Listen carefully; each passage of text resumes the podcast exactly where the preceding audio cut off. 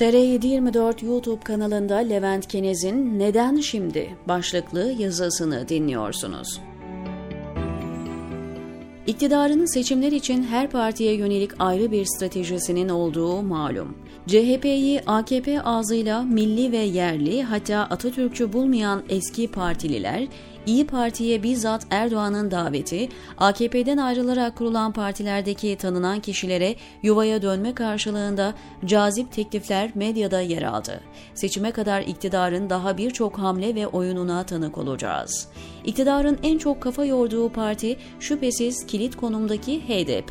HDP ile altılı masanın arasını açmaktan kapatma davasına, olası bir Suriye'ye operasyonla tırmanacak Kürt düşmanlığıyla HDP'nin daha da şeytanlaştırılması planlarına kadar birçok şey ilk akla gelenler.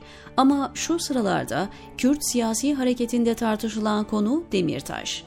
Eş Başkan Mithat Sancar, pazar günü yayınlanan BBC Türkçe röportajında Selahattin Demirtaş'la aralarında bir sorun olmadığını söyledi ve sadece iletişimden kaynaklanan bazı aslında fikir farklılıkları normaldir, olabilir ancak kamuoyunda varsayıldığı gibi bir farklılık yok dedi. İstiklaldeki patlamadan sonra İçişleri Bakanı'ndan önce olayı Twitter hesabında kınayan Demirtaş'la HDP'nin bir iletişim sorunu yaşadığına inanmak zor. Demirtaş'ın geçtiğimiz ay hasta babasını ziyaret için özel jetle Edirne'den alınarak Diyarbakır'a götürülmesi, Demirtaş'la devlet arasında bir takım diyaloğun ve yakınlaşmanın olduğuna yorulmuştu. Diğer mahkumlardan esirgenen bu hakkın Demirtaş'a bir jest olarak sunulduğu ifade edilmişti. Demirtaş, 2016 yılında aynı uçakla Edirne'ye getirildiğini belirterek hapse konulurken de mi jest yaptılar diyerek iddiaları reddetmişti. Aralık başında Kobani davası duruşmasında Demirtaş'ın bir açıklaması gündeme bomba gibi düştü. Bana Öcalan'ın yerine geçme teklifi yapıldı reddettim başlıklarıyla verilen haberi duyan herkes bunun yeni bir teklif olduğunu sandı. Halbuki birçok önde gelen HDP'linin ve Kürt siyasi hareketini yakından takip edenlerin bildiği gibi Demirtaş'ın kastettiği görüşme teklifi 2014 yılına aitti. MİT Başkanı Hakan Fidan'ın Demirtaş'la görüşme görüşme talebi Sırrı Süreyya Önder aracılığıyla geliyor ve Demirtaş tarafından reddediliyor. Öcalan'ın 2016'da yayınlanan görüşme notlarında görülüyor ki Öcalan bu durumdan memnun değil. Ama devlet yetkilisi Selahattin Bey ile görüşmek istemiş. Sırrı Süreyya Önder'e dönerek siz sanırım Hakan Bey ile görüşmüşsünüz. Kendisi Selahattin Bey ile de görüşmek istemiş. Selahattin neden görüşmemiş? İki eli kanda da olsa görüşmeliydi. Böyle yaparak acemiliğini ortaya koydu. Kurumsal kimliğini en basit yöntemlerle, kutular ve benzeri ortaya koyarsan oyunun oranını düşürürsün. Muhalefeti daha bilinçli yapmak gerekir. Erdoğan'a yönelik muhalefeti ben yürütüyorum. Selahattin örgüt terbiyesini bilir. Selahattin'e özel selamlarımı söyleyin. Eleştirilerim yapıcıdır. Daha yoğun katılmalıdır.'' Demirtaş da mahkemedeki açıklamalarında konunun İmralı'da Öcalan'a iletilerek kendisi aleyhine tartışma yaratıldığını söylüyor.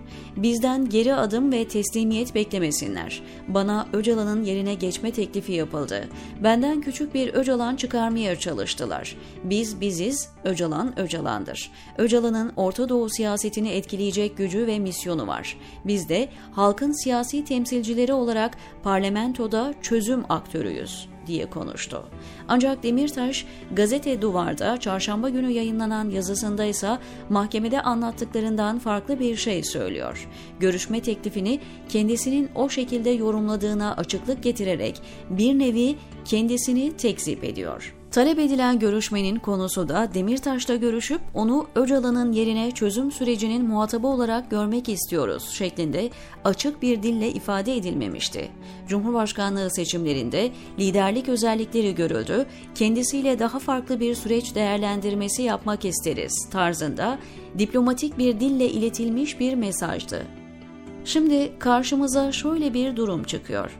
Demirtaş, MIT'in kendisini Öcalan'ın yerine ikame etmek için teklif yaptığını ve reddettiğini söylüyor. Öcalan ise görüşmediği için Demirtaş'ı eleştiriyor, ben kendisini büyütüyorum, o acemilik yapıyor diyor. Daha sonra Demirtaş kendisi kaleme aldığı yazıda teklifin mahiyetinin mahkemede anlattığından farklı olduğunu kendisi belirtiyor. Demirtaş uzun bir süredir Kürt siyasi hareketinin İmralı ve Kandil'e daha yakın cenahından ciddi eleştirilere muhatap. Hatırlarsanız son olarak Demirtaş'ın Mersin'deki polis evine yapılan saldırıyı kınamasından sonra PKK kontrolündeki sitelerden kendisine münafık denmişti. Peki Demirtaş, MIT görüşme teklifini neden şimdi gündeme getirdi?